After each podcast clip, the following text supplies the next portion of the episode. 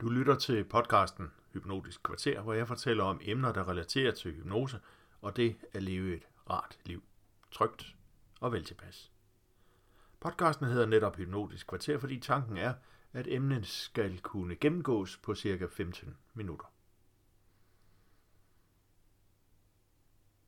I dag vil jeg fortælle lidt om, hvad hypnose er for en størrelse, og om du behøver at tro på det, for at det virker. Hypnose er i virkeligheden bare et navn, som er hæftet på den tilstand, du er i, når kroppen er fysisk afslappet og sindet, og hjernen er stærkt fokuseret på det, hypnotisøren siger. Du kan sammenligne det lidt med en guided meditation, hvis du har prøvet sådan en. Eller tænk på en gang, hvor du måske fik fortalt en historie, måske da du var barn, og tankerne bare forsvandt. Du hørte nogen sige noget, men opmærksomheden svævede afsted. Mange af mine klienter, der stadig går i skole eller i en ungdomsuddannelse, de sammenligner oplevelsen af hypnose med nogle af lektionerne. Når tankerne hellere vil centrere sig om samværet med vennerne efter skoletid, end om det underviseren fortæller om. Ordet hypnose stammer fra græsk. Hypnos betyder noget i stil med søvn, og det ligner da også søvn, når man ser på det udefra. Oplevelsen af hypnose indenfra den kan være vanskelig at beskrive konkret. En svævende fornemmelse, hvor tankerne suser afsted, eller ikke helt kan tænkes færdige. Alt imens kroppen er dybt afslappet, ligesom under en rigtig god middagslur. Nogen har spurgt mig, om de skal tro på det, for det virker. Og den endelige afgørelse, om du tror på noget, det er jo en beslutning, der finder sted i din dagsbevidsthed. Det er der, din logiske sans vil forsøge at beregne for og imod, sådan så du kan træffe den bedste beslutning, om du nu tror på det, du hører eller oplever.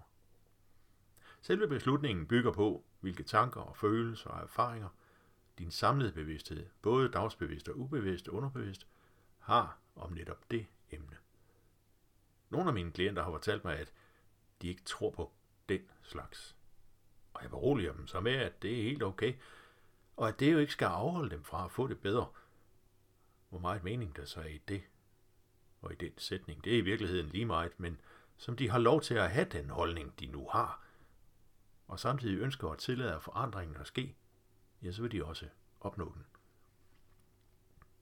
Under min hypnoseuddannelse, der havde jeg en testklient, som ved hver af de fire gange, vi mødtes, indledt og afsluttede hver samtale med lige at stadfæste, at hun ikke troede på det. Også da jeg ved andet møde spurgte, hvordan det var gået med symptomerne, siden vi mødtes i sidste uge. Og der var i alt fem punkter, der havde generet hende. Hun havde glemt det ene, fordi det ikke længere gjorde sig bemærket, og de andre tre kunne hun ikke heller ikke længere mærke. Kun det sidste, hukommelsen, det haltede stadig lidt, og så gik vi målrettet videre med det. Men også der sluttede hun sessionen med at sige, men jeg tror ikke på det. Og det var selvfølgelig helt okay.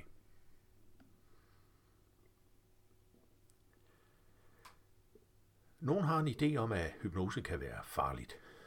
Og det korte svar er nej. Den lidt længere forklaring er, at ingen kan hypnotiseres til at gøre noget, der strider imod deres inderste eller dybeste værdier.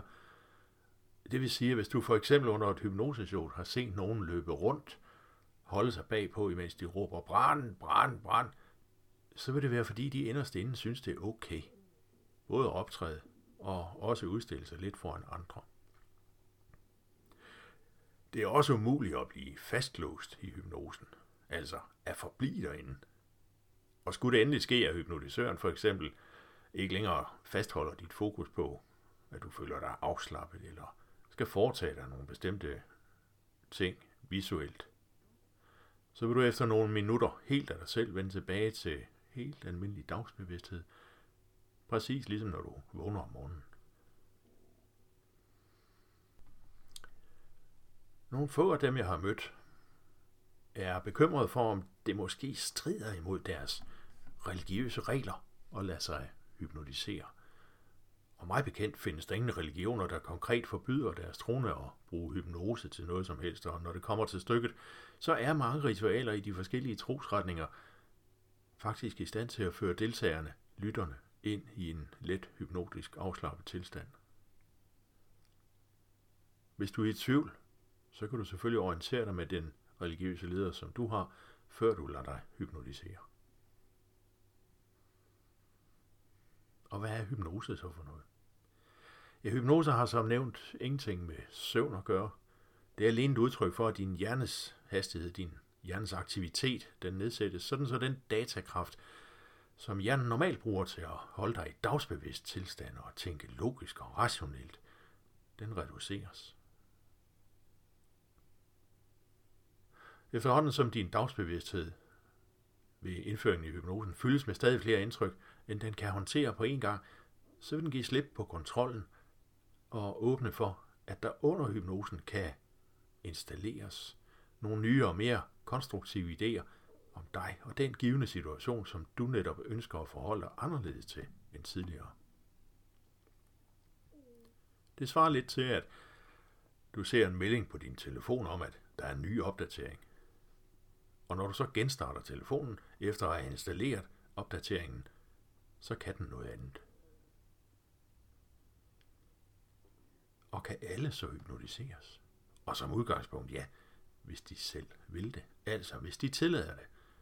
Alle kan hypnotiseres, hvis de giver sig selv lov til at give slip. Der findes ca. 10% af alle mennesker, som er meget let hypnotiserbare. Og så er der andre 10%, som er vanskeligere påvirkelige. Og de resterende 80%, ja, de er bare helt almindeligt gennemsnitligt påvirkelige. Mennesker, som for eksempel har udviklet kronisk stress eller noget i den stil, de kan have vanskeligt ved at slippe kontrollen. Uanset hvor brændende de ellers ønsker sig forandringen, så har de trænet kontrollen så længe, at det er vanskeligt for dem at slippe den. Og der må vi så benytte andre metoder til ligesom at overvinde kontrollen eller få den til at arbejde med, så de alligevel opnår den her tilstrækkeligt dybe mentale afslappning og samtidig fokusering på de nye idéer, de nye forslag om, hvordan det skal være fremover. Og hvem bestemmer så, hvad de nye idéer er for nogen? Ja, det gør klienten. En og alene. Når vi mødes første gang, så ved de alle sammen, hvad de er trætte af, og hvad der generer dem, og hvor irriterende de gamle vaner er, og alt det andet. Men en del af dem har svært ved at fortælle, hvad de så vil have i stedet. De ved bare, at den gamle situation, den skal i hvert fald væk. Og der plejer jeg at foreslå, at vi begynder med det stik modsatte af det problem, de har nu. Og som vi så snakker ud fra den idé, så folder der sig altid mere ud, som vi så kan tilføje. Så til sidst har vi som regel en længere liste med emner og elementer, input, som skal indgå i den nye måde at være.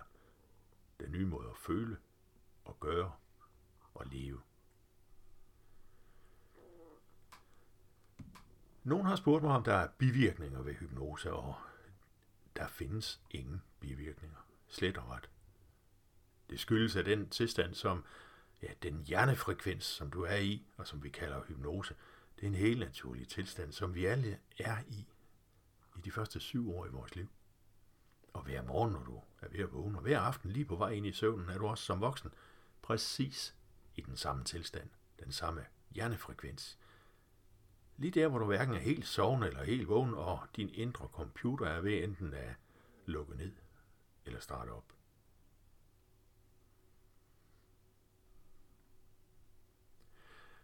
Hvad gør så hypnose ved de her forskellige symptomer, som vi arbejder med? Se, hypnosen i sig selv, den gør reelt alene det, at du slapper af.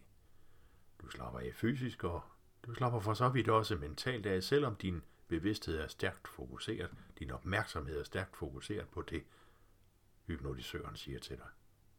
Men din bevidsthed har sluppet kontrollen af det, som du egentlig lige oplever og hører det, og derfor kan de nye tanker om dig, de kan slippe ind til den her indre lagerfunktion, styringen af dig, som så forankrer den nye idé, som den nye sandhed om dig.